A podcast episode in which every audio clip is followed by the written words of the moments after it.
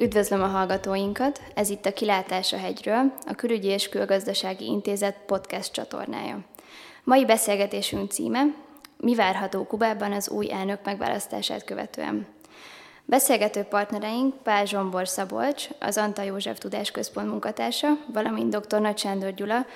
a KKI vezető kutatója, Latin Amerika szakértő. Köszöntelek titeket! Bár a mai témánk alapvetően Kuba jelenével és jövőjével foglalkozik, úgy gondolom, hogy nem árt egy kicsit a történelmi háttérről is beszélnünk. Nagy szeretettel üdvözlök én is mindenkit.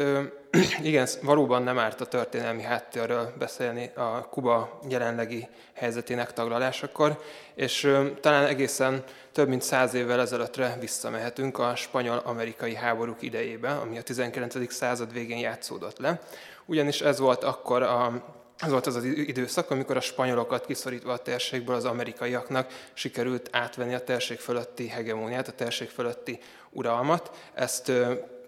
például a Platt Doktrina nevű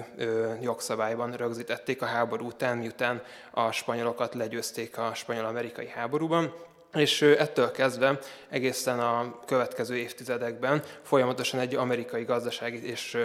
a gazdasági térnyerésnek lehetünk itt a régióban a tanú, és egy amerikai hegemónia kiépülésének és ez ezzel, ezzel ellentétben kibontakozó kubai ellenállásnak és szuverenitásvágynak.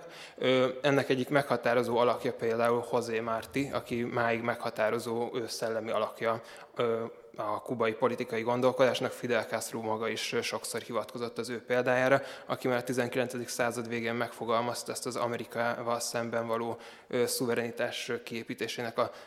szükségességét. És Kubában a 30-as, 40-es években, 50-es években folyamatosan egymást váltották az amerikaiakat kiszolgáló, az amerikaiak üzleti érdekeit kiszolgáló rendszerek. A legutolsó ebből a Batista rendszere volt, amit aztán az 50-es évek végén Fidelék, Fidelék megdöntöttek. Ettől kezdve épült ki Fidel Castro rendszere, ami mostanában egy kommunista rendszerként szoktunk látni és láttatni. Alapvetően viszont nem kommunista irányultságú volt, hanem egy ilyen anti-imperialista, anti-amerikanista attitűdből nőtt ki, csak aztán, mivel az amerikaiak fokozatosan bevezették ellenük a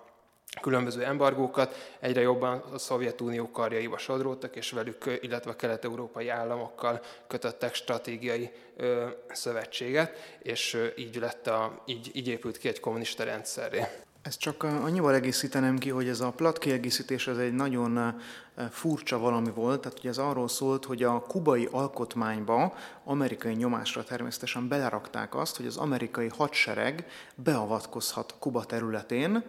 alkotmányos formában, és erre egyébként 1909 és 21 között négyszer e, volt példa, hogy az amerikaiak tényleg beavatkoztak a saját érdekeik e, védelmében Kubában, és hát ez természetesen nem nyerte el a helyi lakosságnak a szimpátiáját, és ahogy Zsombor is mondta, ugye az amerikai érdekek egyébként sokszor az 50-es években egy elég furcsa formában jelentek meg, mint például úgy, hogy amikor betiltották mondjuk ugye az alkoholfogyasztást az Egyesült Államokban, meg a szerencsejáték is nagyon korlátozott volt, akkor ugye az, ezt,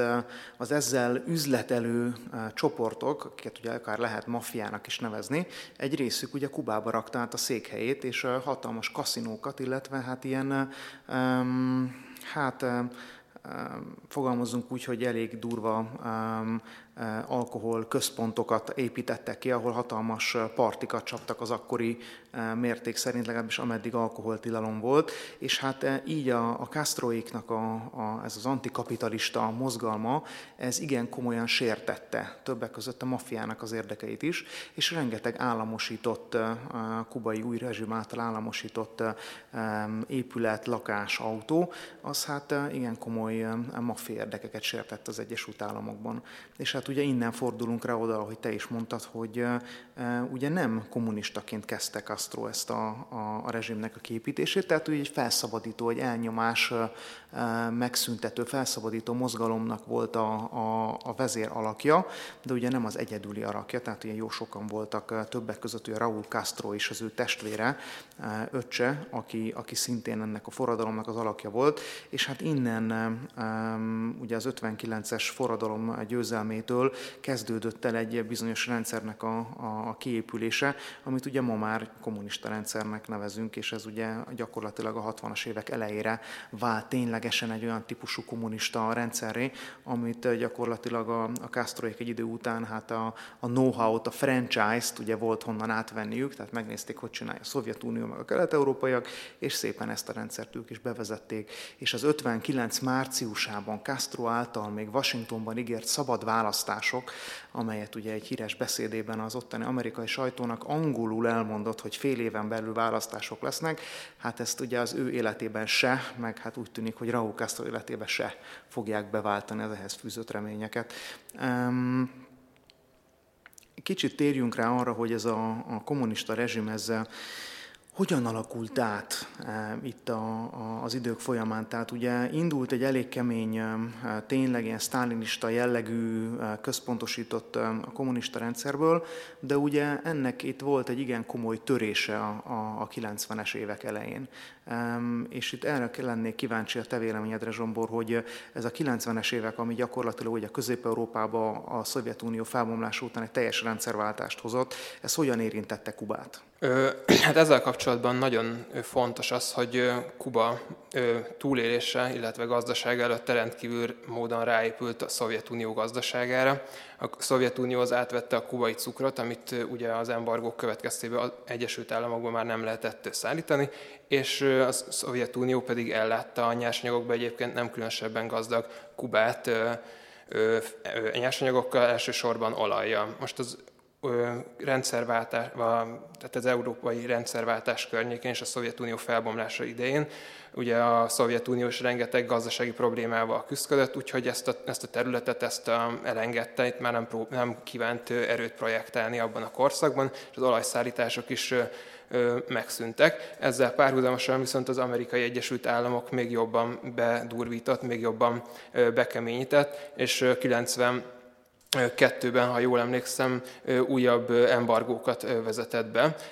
Kuba ellen. Úgyhogy e, ettől, ettől kezdődött egy körülbelül egy évtizedig tartó korszak, ezt a periódó especiálnak is hívják Kubában, ilyen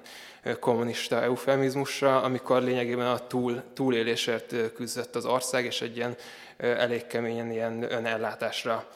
állt be, de túlvészelték ezt az időszakot, és a az évtized végén, az új évezred elején, nem függetlenül latin-amerikai történésektől, amikor egy úgynevezett ilyen rózsaszín hullám terjedt el Latin-Amerikában, új szövetségesekre és új támogatókra talált, például Venezuela személyében, aki a korábbi szovjet olajbeszállítónak a szerepét átvette, és a két ország politikai elitjének az összefonódása révén nem gazdasági érdekei miatt, hanem elsősorban ideológiai szem, az ideológiai szempontjait szem előtt tartva támogatni kezdte a kubai rezsimet. Venezuelán kívül voltak-e más országok, akik versenyeztek ennek az űrnek a betöltéséért? Igen, hát ugye Venezuela csak a, a ugye Hugo Chávez 1999-be került hatalomra, és néhány év azért kellett neki az otthoni konszolidációt követően ahhoz, hogy megpróbálja ugye átvenni ezt a helyet, amit a Szovjetunió felbomlása után, ezt az űrt, ami keletkezett Kubában. Nagyon sokan egyébként azt várták, hogy a, az új gazdasági politikát folytató Kína lesz az, amely 91 után megpróbálja betölteni a Szovjetunió pozícióját. E, egyébként jelentősen növekedett a, kínai áruforgalom és a kínai befektetések is e, Kubában, de ennek ellenére nem sikerült azt a pozíciót elérniük, mint e, amit a Szovjetuniónak. Az, hogy miért nem vette át Kína ezt a helyet, azt gondolom, hogy részben már válaszoltál erre Zsombor, amikor azt mondtad, hogy Kubában nincsenek különösebben nyersanyagkészletek és ez pont elég ahhoz, hogy Kínának az érdeklődését, annak ellenére, hogy kvázi baráti testvéri országról van szó, nem keltette fel az érdeklődését, valamennyire persze foglalkozik eh, Kubával, egyébként a kínai kommunista televíziónak van speciális spanyol nyelvű műsora kifejezetten eh, Kubában, és sugározzák is az állami hírek mellett, de ennek ellenére mindig csak ilyen 20% körüli részesedése van, talán még az se éri el bizonyos időszakokban a kínai kereskedelem Kubával, és különösebben segélyeket sem nyújtanak, és különösebb befektetések sincsenek kínai részről, ami hát mondhatni, hogy furcsa, de az előbb említett érdek hiányában azért nem kell csodálkozni, hogy ugye a kínai piacgazdaság is azért dübörög, és ott is, ha nincsenek érdekek, akár geopolitikai vagy gazdasági érdekek, akkor Kína se foglalkozik ezzel az országgal. Ezzel abszolút mértékben egyetértek, azt az, azért az viszont szerintem érdemes megjegyezni ezzel együtt, hogy 2016-ban az egyik legnagyobb kereskedelmi partnerévé Spanyolországot és Venezuelát háttérbe szorítva Kína vált például, annak ellenére, hogy annyira nem érdekelt és nem egy elsőrendű célpont a Karib térség Kínának, ez, ezzel együtt azért itt is aktívan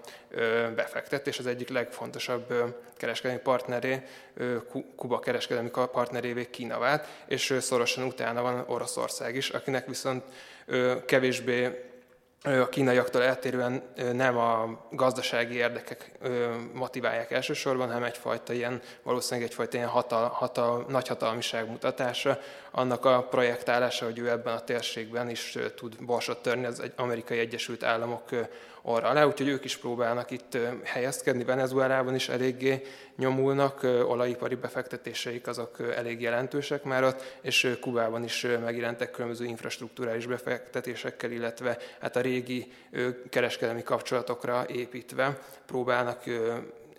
például ladákat, illetve kamasz teherautókat szállítani, illetve ezekhez alkatrészeket. Mielőtt tovább boncolgatnánk a nemzetközi kapcsolatokat, térjünk ki arra, hogy ki is ez az új kubai elnök, Miguel Díaz-Canel, mit tudunk róla? Miguel Díaz-Canel hát ugye a fiatal generációhoz tartozik, ez a fiatal generáció viszont hát 1960-as születést takar, vagyis 58 éves jelenleg az új elnök, tehát ugye fiatalnak azért annyira nem lehet őt nevezni, legalábbis ahhoz képest semmiképp, hogy mondjuk Fidel Castro 33 évesen vette át az ország irányítását, Igaz, hogy ő ugye 50 éven keresztül gyakorlatilag pozícióban maradt, de ugye a testvére Raúl Castro, aki 86 éves, hát hozzá képest mindenképp egy fiatalabb generációnak lehet nevezni Diaz Canelt, viszont semmiképp sem lehet azt mondani rá, amit egyébként sokan publicisztikában, folyóiratokban azt írják, hogy reformista párti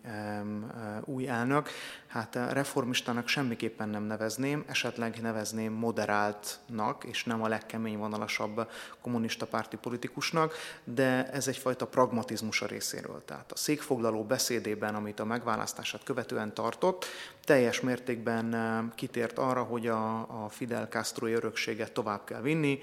Raúl Castro politikáját szeretné továbbvinni, és egyébként Raúl Castro is, amikor később hozzászólt, azt tette hozzá, hogy úgy érzi, hogy nem tett meg mindent, és nem sikerült mindent elérni abból a célból, amit kitűzött maga elé tíz évvel korábban. Úgyhogy azt gondolom, hogy Miguel Díaz Canálnak még ennél is nehezebb dolga lesz, tehát ha Raúl Castrónak nem sikerült ezt elérni, akkor neki sem lesz egyszerű feladata. Kicsit az ő múltjáról a, visszatérve, ő egy vidéki területen volt pártitkár. Ugye először, amikor végzett az egyetemen, ott belépett a, a, az egyetemi ifjúsági kommunista pártba, hát vannak az ifjúsági szervezetébe, és itt szépen lassan a helyi bizottság, a tartományi bizottságnak az első titkára lett, és ugye ezzel kvázi kormányzóként befolyásolta ugye Villa Clara, majd később Holgin tartománynak a, a működését. Az itteni életéről a helyiek beszámolója alapján egy, egy olyan figura bontakozik ki, aki odafigyelt arra, hogy a, az emberek hogyan élnek, aki bement az emberek közé. Volt olyan, hogy áruhában megjelent egy boltban, egy kórházban, egy temetésen, hogy megnézze, hogy az állami szolgáltatásokhoz hogyan férnek hozzá a kubaiak, és megfelelő ellátást kapnak-e. Ő volt az első olyan legalábbis közép, illetve magas rangú politikus, aki élő rádió műsorban kérdésekre válaszolt, itt a 2000-es évek elejéről beszélünk, és itt elmondhatták az embereknek a problémájukat, és azoknak ő megpróbált válaszolni, illetve megpróbált intézkedni. Ez akkori időben egy nagyon különleges dolog volt, legalábbis Kubában mindenképp. A Raúl Castro hatalomátvételét követően ugye volt egy igen komoly tisztogatás a kommunista pártban. Nagyon sok minisztert, katonai felsővezetőt különböző pozíciókból részben korrupció, részben más volt, hogy hazárulás vágyával eltakarított Raúl Castro, és ezért ugye nagyon sok potenciális utód ebből a fiatal generációból egyszerűen eltűnt egyik pillanatra a másikra, és új utód után kellett néznie. És ezek az új utódokat, ezeket a, a tartományi régiók vezetői, fiatal vezetői közül válogatta ki. Ilyen például a mostani külügyminiszter de ugyanilyen volt Miguel Díaz Canel is, aki hát végül első, először felsőoktatási miniszterként, majd alelnökként Raúl Castro-nak gyakorlatilag a kiszemelt és kinevelt utódja volt. Gyakorlatilag tíz éven keresztül részt vett a felsővezetésben, a kormányzásban, és ez alatt a tíz év alatt nem különösebben volt már az a vezetői stílusa meg, mint amit a tartományi középvezetőként megismertünk, egy emberközeli, az emberekkel foglalkozó politikus képét, inkább egy elzárkózóbb, a kommunista felsővezetés stílusába belesimuló emberképe alakult ki, és gyakorlatilag ugyanaz valósult meg, így már utólag látjuk a, a, a mintázatot, mint ami Kínában, hogy szépen az előző elnök kinevelte az utódját, helyetteseként mellette az utolsó öt éves ciklusát végigcsinálták, és gyakorlatilag ebből automatikusan került ki elnökként. Ugye érdekes, hogy nagyon sokáig spekuláltak, hogy vajon tényleg ő lesz vagy nem ő lesz és végül nem okozott meglepetést Raúl Castro, és tényleg a saját maga által kinevelt első elnök helyettesi pozícióban lévő embert jelölte ő elnöknek. Igen, ez mindig egy ilyen érdekes kérdés, és ez nagyon szereti a sajtó, hogy lesz-e változás, nem lesz változás, és az ilyen kriminológiai kutatások vagy kriminológiai megfigyelések felé hajló emberek próbálnak ilyen apró következtetéseket levonni minden rezdülésből, vele kapcsolatban mindig elmondják, hogy ő az egyik első pártag, aki laptopot használ, és ez már az újdonságnak lesz majd a,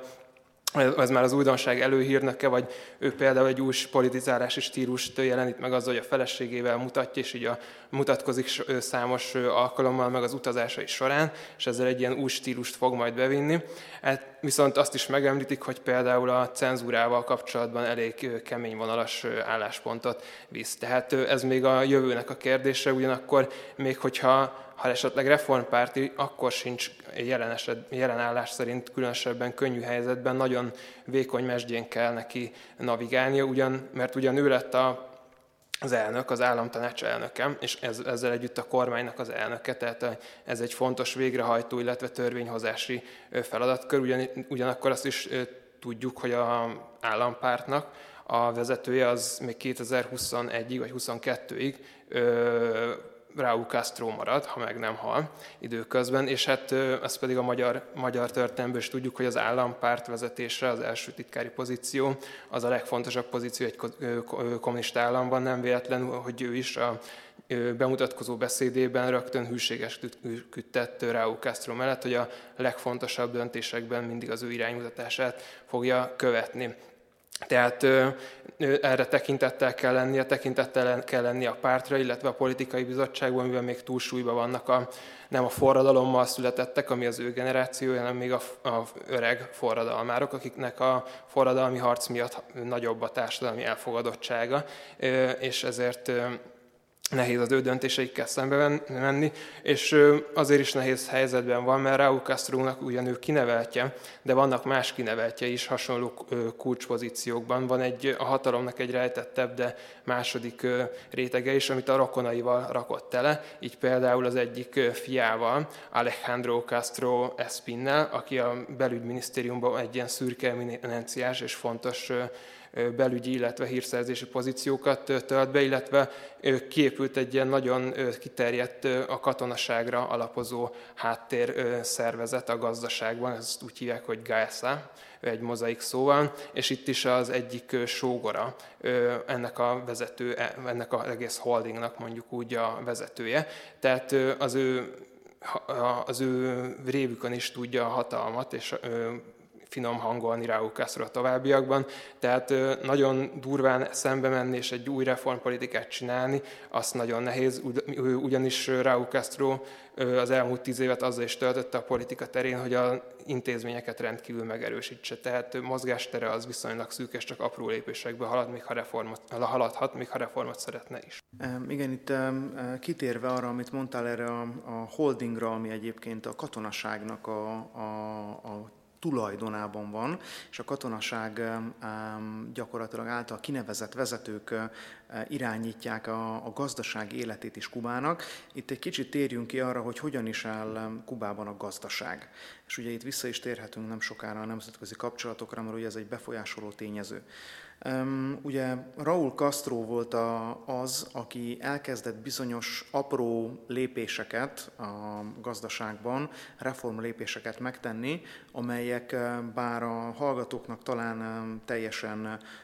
automatikusnak tűnnek, hogy internet hozzáférés, meg mobiltelefon, de ez 2006-ban Kubában nem létezett gyakorlatilag csak és kizárólag a turisták, bizonyos pártagok és bizonyos egyetemeknek az oktatóinak lehetett eh, internet hozzáférés és mobiltelefonja, senki másnak. Ehhez képest, hogy már a 2018-ban már egy hétköznapi kubainak is van internet hozzáférése, igaz, hogy csak köztereken felállított, aránylag még drága pénzért eh, lehet internethez hozzájutni, de hozzájutnak, aránylag jó minőségű, legalábbis az elmúlt évekhez képest mindenképpen sok a javulás. Nagyon sokuknak van már mobiltelefonja, amit használnak is, tehát, hogy van egyfajta információ áramlást segítő rendszer, ami elkezdett kiépülni, és ugyanemellé feljött ugye egy olyan típusú gazdasági privát szféra, ami igaz, hogy még csak az emberek, az összes foglalkoztatottnak a 10%-át foglalkoztatja körülbelül, ami már ugye egyéni vállalkozók vagy kisvállalkozók a, a különböző szektorokban. Itt elsősorban olyan területekre kell gondolni, mint mondjuk a fodrászat,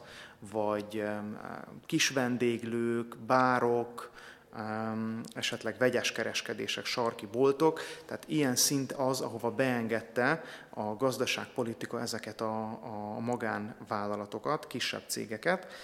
de ugye ennek ellenére, hogy említettem, 90%-a az embereknek azok állami cégeknél dolgoznak, és az annak megfelelő 15-20 dolláros havi bérért dolgoznak, e, és ráadásul Raúl Castro utolsó két évében pont, hogy elkezdtek szigorítani ezeken a korábban bevezetett reformokon, például befagyasztották az engedélyezéseknek a kiadását a magánvállalatok engedélyezésének, illetve szigorítottak bizonyos éttermi és egyéb szolgáltatások nyújtását,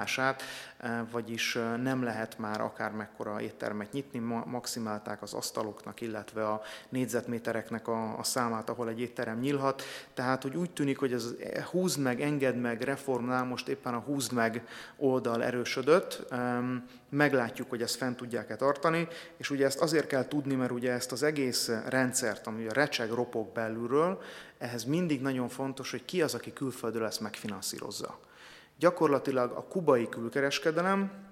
Szovjetunió összeomlása óta deficites. Ezt a deficitet pedig valahonnan finanszírozni kell, és ennek a finanszírozása nagyon sokáig ugye a venezuelai olajszállítmányoknak volt köszönhető,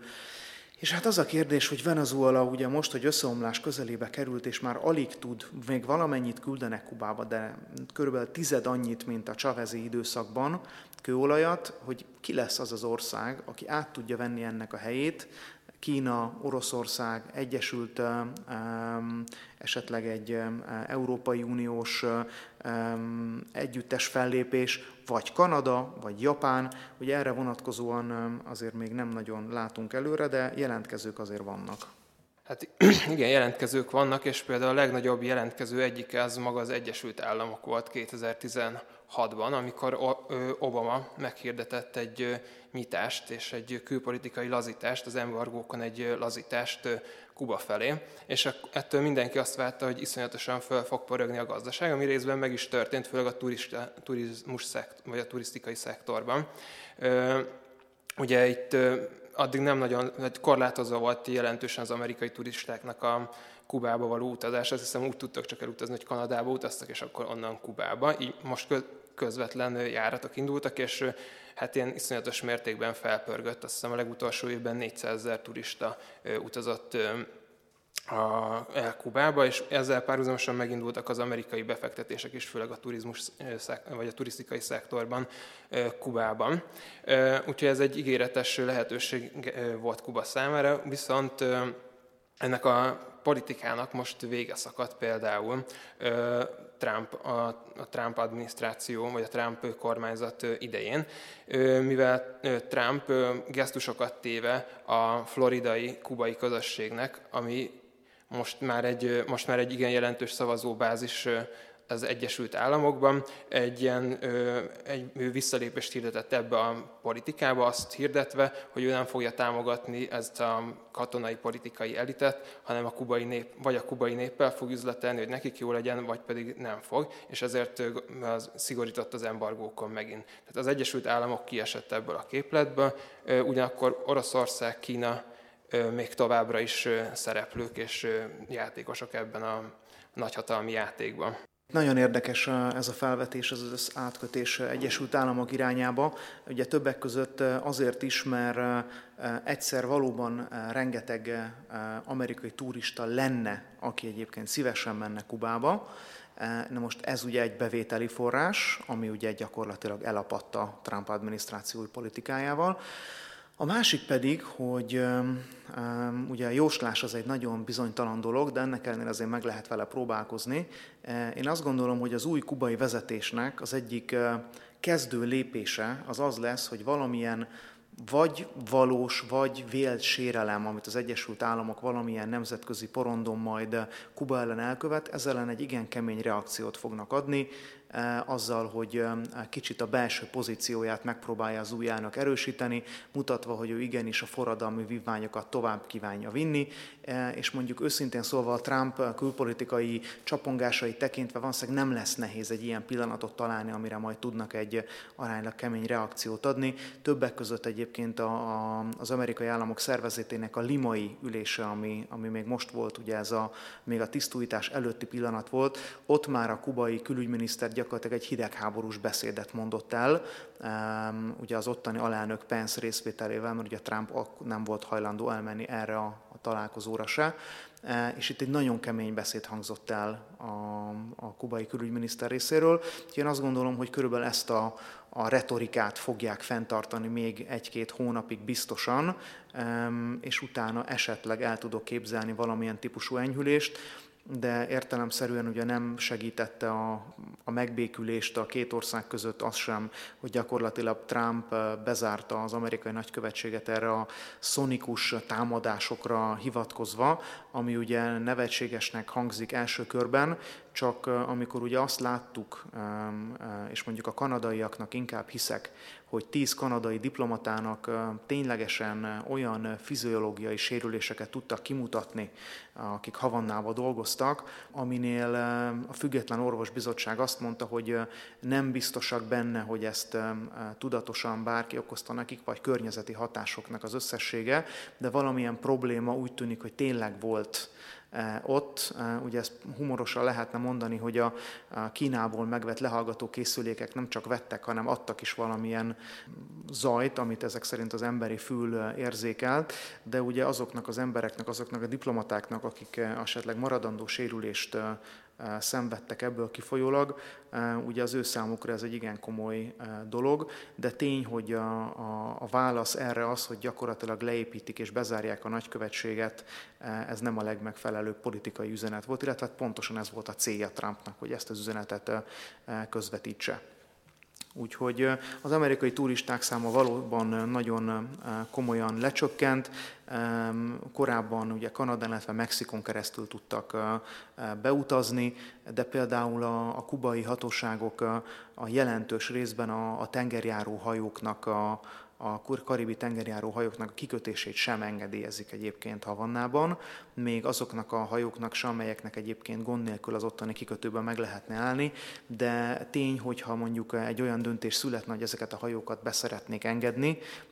akár Santiago de Kubában, akár Trinidad vagy más városban, ott igen komoly infrastruktúra fejlesztéseket kellene véghez vinni, hogy azokat az emberek le tudjanak ott szállni, el tudjanak helyezni, foglalkozzanak, szolgáltatásokat tudjanak nyújtani nekik, és jelenleg erre nincs lehetőség a legtöbb helyen. Tehát nincs kiépült infrastruktúra, nincs olyan kikötő, ahol biztosítani tudnák több ezer embernek az aránylag gyors ki- és beszállását egy, egy ilyen tengerjáróból. Úgyhogy vannak itt problémák, eh, és talán a legfontosabb probléma, amit, eh, ami Kubában a mostani elnök előtt áll, ez egy demográfiai probléma. Ez pedig az, hogy a fiatalok eh, jelentős része elvándorol mert nem lát lehetőséget arra, hogy kibontakozzon Kubában, nem lát lehetőséget arra, hogy előrelépjen, hogy boldoguljon, hogy elérje azt az eredményt, amit mondjuk az ő már emigrált unokatestvére a Facebookon rendszeresen kiposztol, Eh, hogy azokat a nyugati fogyasztói társadalmi dolgokat, amelyeket ugye eh, Magyarországon a, a mi is élvezünk, ezek számukra Kubában gyakorlatilag megfizethetetlenek az ottani körülmények között, és hát ugye ők ezeket már látják. Tehát látják az interneten, látják a, az emigráns rokonoknak a hazautalásaiból, hogy ő nekik az az 50-100 dollár, amit havonta visszautalnak a Kubába lévő családnak, az nekik egy morzsányi eh, része az ottani fizetésüknek, és ők ebből gyakorlatilag alamizsma formájában élnek Kubában. Ez pedig nem teszi hát túl biztatóvá a fiataloknak a, kilátásait, és az eddigi trendek azt mutatják, hogy ha így folytatja a Kuba, ilyen kivándorlási számokat mutatnak, akkor gyakorlatilag 15 éven belül a 60 éves, 60 évet betöltött lakosság aránya az 30% lesz az országban, és 2050-re pedig körülbelül a felére fog visszaesni a lakosság. Ez pedig azért nincs olyan messze, tehát ugye 30 éves távlatról beszélünk, és ez egy nagyon-nagyon komoly probléma, hogy amit Diaz kanálnak meg kell oldania, hogy ne egy olyan ország elnöke legyen, ahol az egyetlen egy kilátása a fiatalnak az, hogy elhagyja a szülőhazáját. Ráadásul ez a demográfiai problémával magának ásta egy kicsit a, a vermet a, és a kivándorlással a Castro rezsim, vagy a Castro rendszer, ugyanis pontosan Raúl Castro volt az, aki az egyik reformja keretében megkönnyítette az országból való kiutazást, illetve megkönnyítette a visszatérést is. Tehát most már sokkal könnyebb elmenni a fiataloknak szerencsét próbálni külföldön, és akár két év múlva visszatérhetnek úgy, hogy ugyanazokat a szociális ellátásokat élvezik, mint korábban, illetve nem kell különböző speciális engedélyeket kérni ahhoz, hogy távozhassanak az, az országból. Tehát lényegében ő maga is felgyorsította ezzel az országból való eltávozást. Miközben pedig az Ugye ez egy kommunista állam, tehát az egyenlőség az rendkívül fontos számára, illetve a jó szociális ellátások, és már most is nyugdíjkiadásokra a, bevét, vagy a, a, igen, a bevételeinek azt hiszem a 20-30 százalékát elkölti, tehát rettenetesen nagy lyukat üt ez a költségvetésem. És közben pedig maga a kubai társadalom is kezd ketté szakadni. Egyrészt vannak, akik ezek közül a magánvállalkozók közül, akiket szintén, a, mint említetted, a Raúl Castro féle reformok keretében vállalkozásba kezdhettek, ők részesülnek ennek a javaiból, és például amerikai dollárra tehetnek szert, és ők már viszonylag magasabb életszínvonalon élnek, sokkal, akár a tízszeresét is megkeresve annak, mint mondjuk egy állami alkalmazott, és ugye kétfajta külön pénzbe is érkezik hozzájuk a jövedelem, ez egy ilyen nagyon speciális tulajdonság a kubai gazdaságnak, az egyik egy konvertibilis amerikai dollárra konvertibilis kubai pezóban kapja a fizetését, a másik pedig egy olyanban, ami szinte semmit se ér, ennek kb. 24-25 részét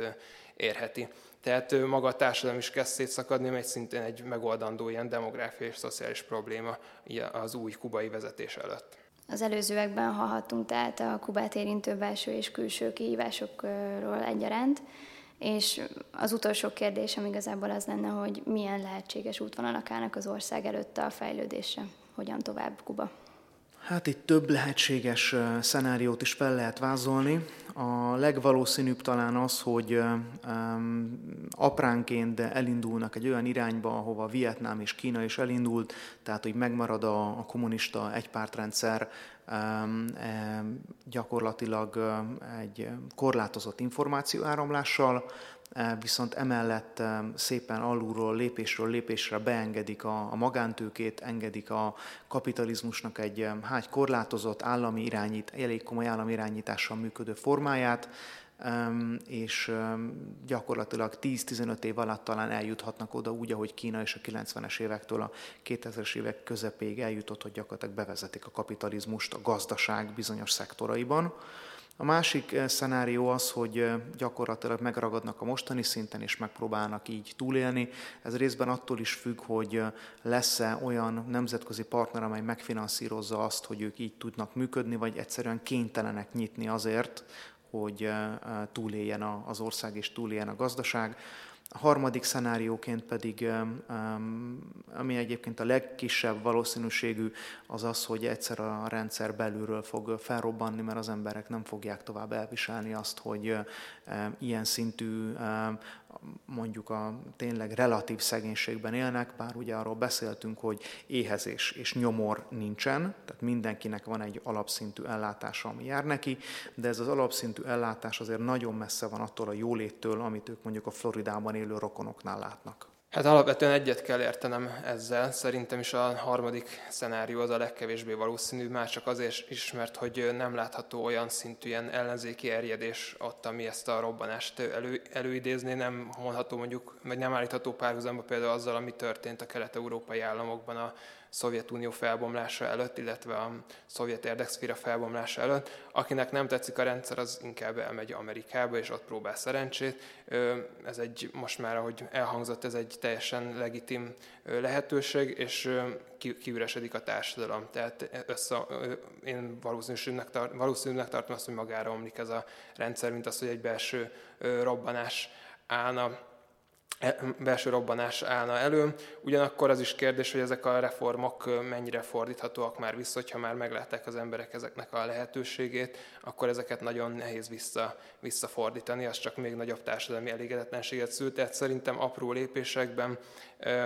fokozatosan elmozdulunk majd egy, egy, egy új út felé, és tovább, tovább kell ebből mozdulni, hogy elhal a forradalmi generáció, ha Raúl Castro meghal, vagy, le, meghal, vagy leváltják az első, vagy lemond az első titkári pozícióra, akkor utána ö, ott is le, le fog cserélődni, és az új generáció lép a helyére, tehát fokozatos elmozdulás szerintem várható. És hogyha az Egyesült Államok elnöke a következőben is egy olyan lesz, aki ö, új, újfent fontosnak tartja ezt a nyitáspolitikájának a továbbfolytatását, az is okozhat egy ilyen politikai elmozdulást. Úgyhogy én is ezt valószínűsíteném a leginkább. Itt még utolsó mondatként egy-két nagyon fontos dolgot mondtál. Az egyik az, hogy ki kell halnia a forradalmi generációnak. Tehát Kínában is és Vietnámban is azt láttuk, hogy amikor meghalt az alapító, és utána egy olyan generáció tudott már irányítani, amiket nem befolyásolt az alapítóknak az árnyéka, utána indultak el a változások. És a másik nagyon fontos dolog, amit mondta, hogy Egyesült Államokban is változás kell. Tehát amíg az amerikaiak nem támogatják ezeket a reformokat tényleg pénzzel, segítséggel, befektetésekkel, technológiával, addig egyszerűen nem fog tudni eh, megváltozni Kuba, mert hiányozni fog a tőke, hiányozni fog a bevétel. Önök a Kilátás a hegyről, a Külügyi és Külgazdasági Intézet podcast műsorát hallották. Köszönöm szépen vendégeinknek, Pázsombor Szabolcsnak, az Anta József Tudásközpont munkatársának és dr. Nagy Sándor Gyulának, intézetünk vezető kutatójának a részvételt. Önöknek köszönöm a figyelmet. Ha a téma iránt érdeklődnek, a Külügyi és Külgazdasági Intézet honlapján megtalálják kapcsolódó szakmai anyagainkat. Köszönöm a figyelmet.